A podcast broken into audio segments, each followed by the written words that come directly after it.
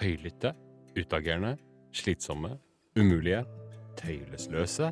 Nei, dette er ikke en adjektivhistorie i en bursdag, men det er en beskrivelse av hvordan barn kan være. Men så har vi også den rake motsetningen, når barna forblir tause. Mot vår vilje. For det skal jo liksom ikke være sånn. Vi skal ha barna som prater engasjert om hvordan de har det, hvordan dagen har vært, og alt imellom. Hva sier du, Hedvig Montgomery? Skal barn godt få lov til å bare sitte der med seg selv, ordløse? Altså, dette er jo interessant, fordi vi lever i en tid hvor snakk om det er viktig å få det ut. Ja. Er på mange måter vår tids mantra. Er det én ting vi tror på, så er det at vi må dele. Vi må dele følelsene, vi må dele historiene, vi må få vite. Mm. Um, og det er helt klart, vi hadde ikke hatt dette så sterkt hvis det ikke var noe sant i det. Mm. Samtidig så er det ingen tvil om at barn er forskjellige. Noen snakker lett, og noen er mer eh, tilbakeholdne nettopp med å dele. Noen ser poenget med å dele, andre syns det er bortkastet tid. Ja. Eh, så vi er jo inne på barnas personlighet. Det sitter ganske mange foreldre og føler seg mislykket, rett og slett med en oppgave som egentlig må løses på helt andre måter. Eh, og jeg tror også at det har ført oss inn i en overtro på ord. Ja. At det å snakke er den eneste måten å dele på, gjør at noen barn faktisk ikke får utviklet andre språk. Hva mener du da? At det finnes så mange måter å vise hvordan jeg har det. Eh, For noen barn så er det å eh, tegne eller male, er det å eh, høre på musikk sammen og få lov til å velge seg spilleliste, eller det kan for den delen være gjennom kos og hud. Det er veldig mange måter å dele på, og ord er ikke den eneste. Nei, og det kan jo også være den negative retningen nå. Jeg tenker på det, jeg tror ikke vi skal omtale det så mye i dag, men en, altså, selvskading, altså destruktiv atferd, er jo også en erstatning for ord. Det er også en erstatning for ord, men som da ikke deles. Ikke Mm. sant? Mm. Så hvordan finne måter å kommunisere på? Hvordan finne måter å dele på med barn som eh, ikke alltid svarer? Og hvordan få de barna som kanskje både vil og kan svare, til å svare litt bedre? Jeg tror vi går litt uh, bredt ut uh, i starten her, og uh, fordi jeg har en følelse at dette er noe som mange har tenkt på. Jeg har en sånn skolestartgutt i år, jeg da, og da er man jo alltid superspent på hvordan dagen har vært, og lurer fælt på hva han har gjort og alt mulig sånt noe. Men så erfarer man jo at det er jo ikke mye svar å få. Hvorfor er det så vanskelig å få en seksåring, for eksempel, da, til å si noe om hvordan dagen har vært? Altså, seksåringer er vidunderlige mennesker. Det må jo bare sies. Eh, Men de står også i et av sitt livs største sprang. Eh, Så de er glemsomme. De er fulle av følelser som de ikke har helt armene rundt ennå. De er slitne fordi de er nettopp skolestartere, og det å begynne på skolen er en mye, mye større overgang enn det vi voksne helt tar høyde for. Så når du kommer med 'hvordan var det på skolen i dag?' spørsmålet ditt, så spør du for det første en som eh, ikke helt har energien til å formulere en historie. Og for det andre så er spørsmålet altfor stort. Eh, Men så er jo ikke nødvendig altså er det å finne ut hvordan kan du få ja, rett og slett delt denne dagen opp i biter som gjør at jeg forstår hvordan du har hatt det, at jeg kan dele den følelsen du har nå.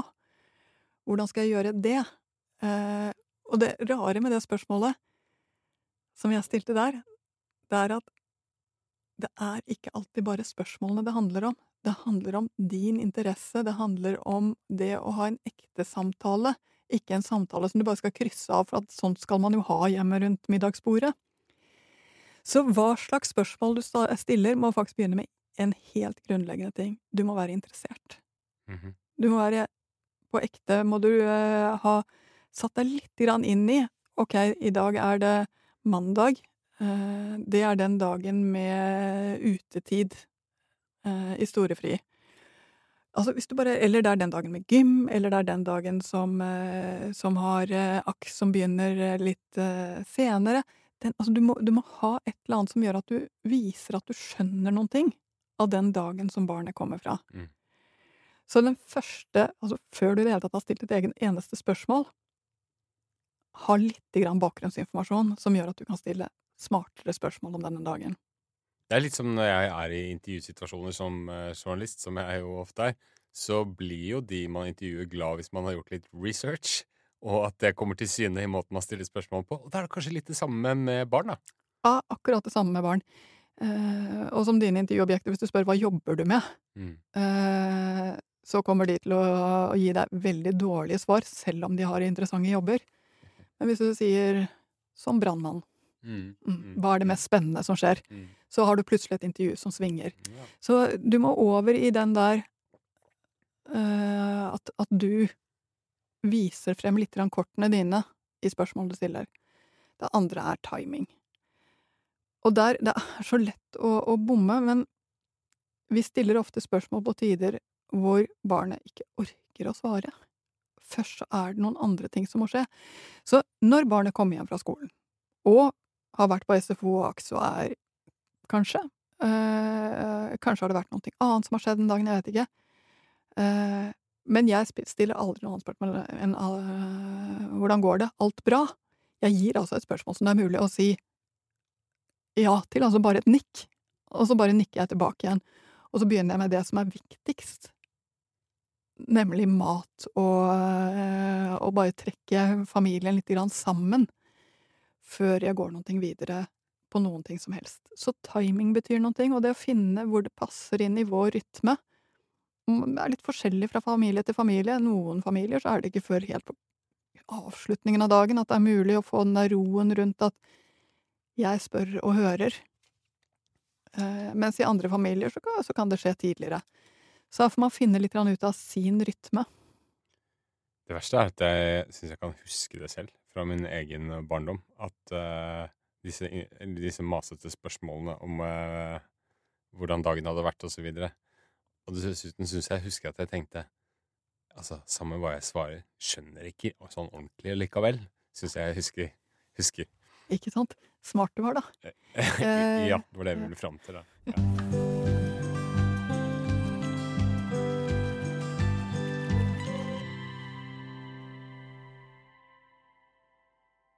Noe av det vi mennesker liker så dårlig, det er å bli stilt til veggs, det er å bli utsatt for forhør, det er å bli avkledd. Eh, og barn opplever ofte at spørsmålene kommer fra et sted som ikke er nysgjerrighet, men som er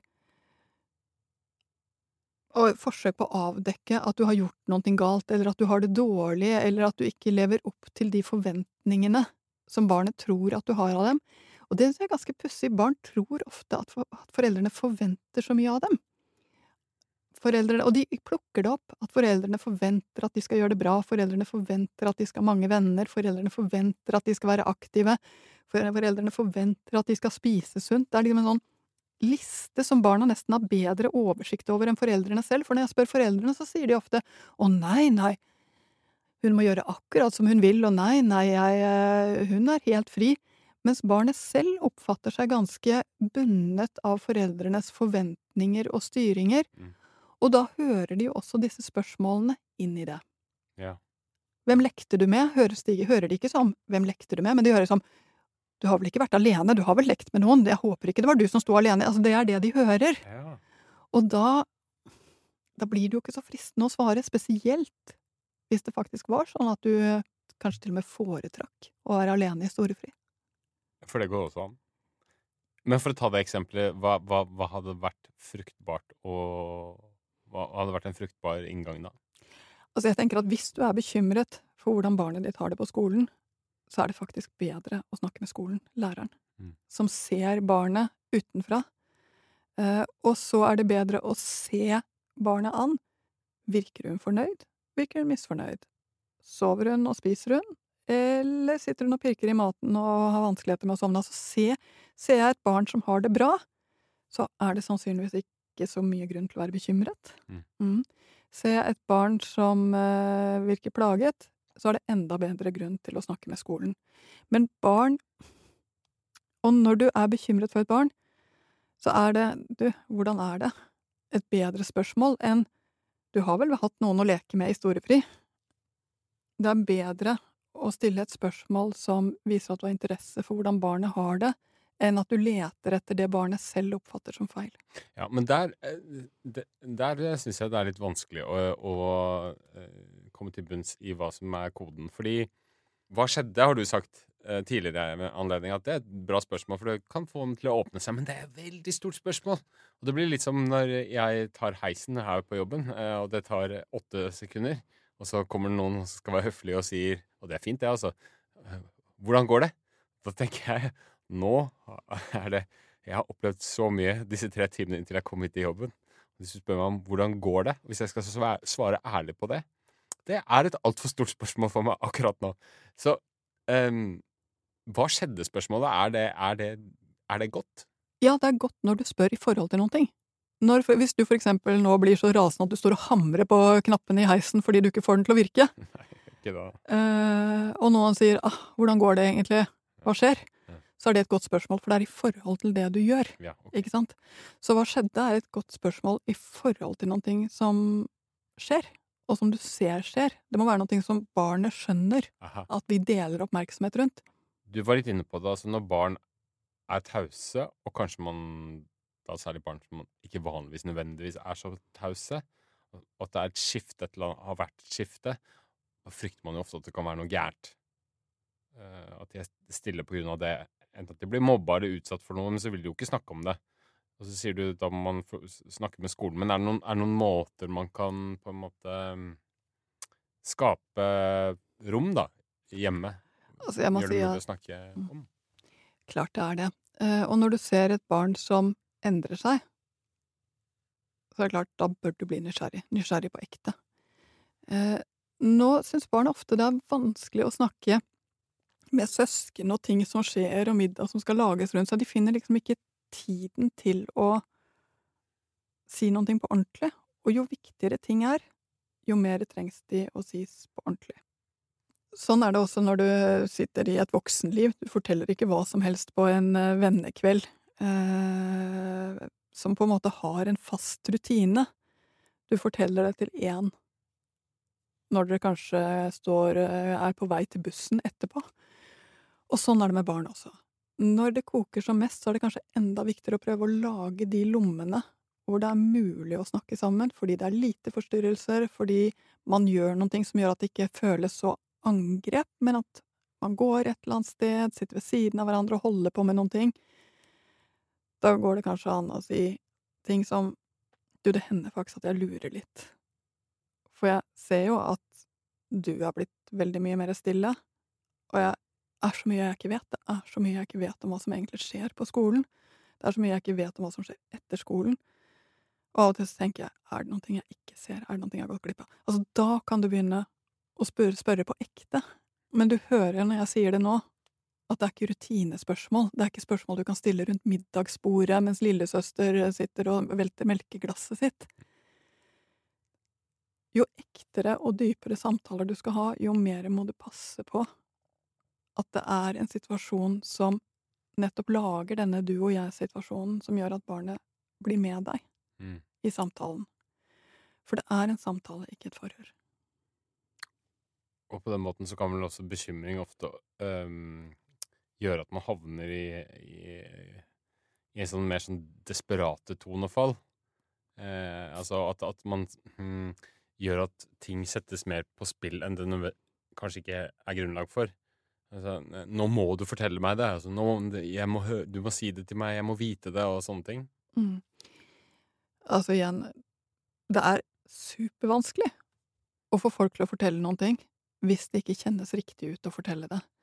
Så det å bruke mer tid på å tenke hvordan kan det kjennes ålreit ut å snakke om dette Og jeg har også en del barn som, eh, som jeg snakker med kanskje enda mer indirekte vi leser eventyr, og så snakker vi om hva som skjedde i det eventyret, og da kanskje det kommer noe. Eller vi ser en film sammen, og da kanskje det er lettere å snakke om noe annet når vi først har sett den filmen, fordi det har vekket en følelse. Så jeg tenker at jeg tror av og til at vi har så dårlig tid. Vi skal liksom få barnet til å svare og være en god samtalepartner akkurat nå, for det er nå vi har tid. Mens det å leve med barn er egentlig ganske langsomt. Det å leve med barn er å la det komme nye anledninger til å fortelle en ting. Kanskje ble det ikke på denne turen her, fordi det skjedde noe annet, eller fordi det var for tidlig.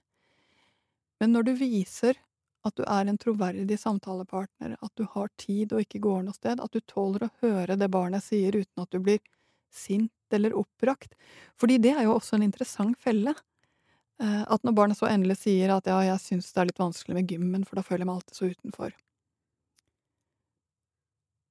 Så har riktig respons på det. Åh, så dumt. Det må være kjipt. Mm. Det er ikke Men sånn må det ikke være. Dette skulle du ha fortalt meg for lenge siden. Det må vi gjøre noe med. Jeg kommer til Altså Mm. eh, For da mister jo barnet eierskap over både historien og sine egne reaksjoner. Jo mer alvorlige ting er, jo viktigere er det å trekke ned tempoet. Og la det få lov til å henge litt i luften. Um, før du går i gjøre noe med det-modus. Og jeg tenker dette er så rart, for det er jo så mange kvinner jeg snakker med som sier at ja, det verste med mannen min er at jeg kan ikke si til ham jeg har hatt en litt dårlig dag i dag, uten at han sier eh, ja, men kan du ikke bare la oppvasken stå? Mens jeg hadde egentlig bare trengt at han sa Mm. uff, så dumt. Jeg tror vi skal ta med oss den kunnskapen også når vi snakker med barna våre. Hvis de opplever at vi tåler det de sier bedre, uten å gå i fiksemodus, så er det også lettere for dem å fortelle mer.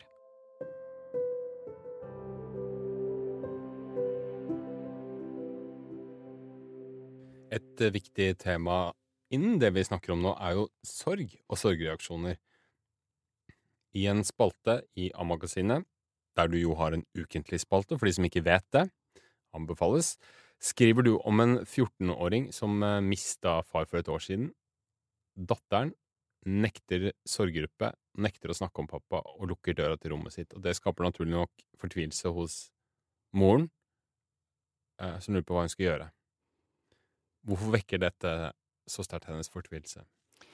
Altså, det å ha en så stor sorg inn i en familie er jo virkelig noe man trenger å dele. Og når en i familien nekter å dele, Mm. eh, og ikke bare nekter å dele, men hun vil ikke forholde seg til det, så kan man jo bli bekymret både fordi det er vanskelig å ha det inn i huset, men også lure på hvordan blir dette for henne som voksen, hvordan blir det for henne å ha murt seg så inne med noen ting som trengs å luftes, trengs å deles, trengs å løftes ut av å være inni henne. Så det er ikke noe rart at mor blir fortvilet. Eh, og jeg tror det er mange foreldre som har kjent på det samme. De vet at barn som har eh, mistet eller som har opplevd noe skikkelig vanskelig, egentlig trenger å finne en måte å snakke om det på det sånn at gjør at de kan si litt sånn Komme til det punktet hvor det går an å si 'jo, pappa døde'. uh, han var syk et halvt år, det gikk ganske fort. Men liksom kunne si ting om det. Nå sitter hun med en 14-åring som ikke kan si ting, og som er helt opptatt av å være som alle andre, sammen med venninnene sine.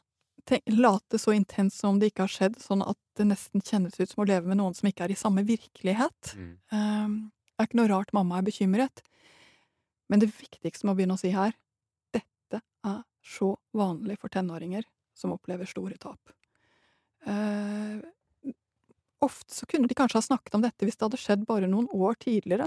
Og det viser seg ofte at de har en lillesøster eller lillebror som snakker helt fint om det, fordi de er i en annen livsfase. Mm. Men tenåringens livsfase er å la de fine tingene som skal bli sånn er jeg-identiteten, få spire, og de er ikke helt sånn modne for å vises frem. Så de gjemmer seg ganske mye, og de skammer seg over de store følelsene som er annerledes enn andres store følelser. Det betyr ikke at de ikke kjenner på det. Man kan bli lurt av denne overflaten. Eh, ser du ordentlig etter, så vil du finne sporene. Hva slags musikk de hører på, hva de ser på på YouTube-kanaler, og, hva de lar seg bevege av på TikTok. Plutselig så ser de at det er noe annet der. De har et uttrykk. Men hvordan få det inn i familien? Det rare er at jeg tror nesten det viktigste å tenke her er det kommer om et år eller to. Eh, nå er det det å lage anledninger for å snakke om det. Og det er også interessant, barn i alle aldre snakker lettere om ting når det ikke er du og jeg sitter og snakker om dette, sånn som du og jeg sitter og snakker om det nå, Mm. men at det for eksempel eh, finnes et bilde som man kan gå bort og se på. Eh, og du kan si 'Å, ser du på bildet av pappa?' Ja. Litt vondt fortsatt? Ja. Det der, Det er en kjempefin sorgbearbeidelsessamtale. Okay. okay. den, den er faktisk genial. Fordi barn og unge snakker så kort om det som er viktigst. De, de vet at de ikke må drukne i det. De vet at de må beholde livsgnisten sin. Så de mindre barna snakker kanskje maks et minutt. 30-40 sekunder. Eh, og tenåringene holder kanskje ut i 90 sekunder. Ja. Før det liksom blir for truende, og de trekker seg tilbake igjen. Og slutter å snakke om det. Så det å liksom legge ut sånne små muligheter, et eller annet som gjør at vi kan snakke om det, istedenfor at vi snakker om deg, gjør det lettere å bære.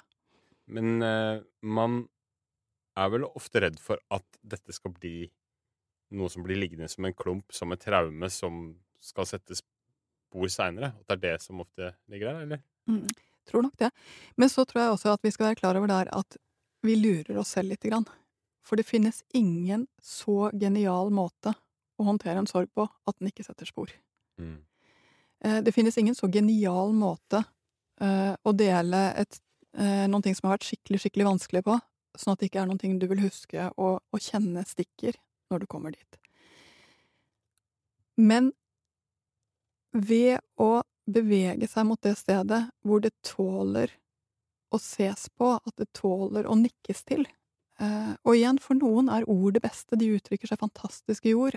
For andre er det andre måter å uttrykke seg på. Det kan være nærhet, det kan være forskjellige kunstneriske uttrykk.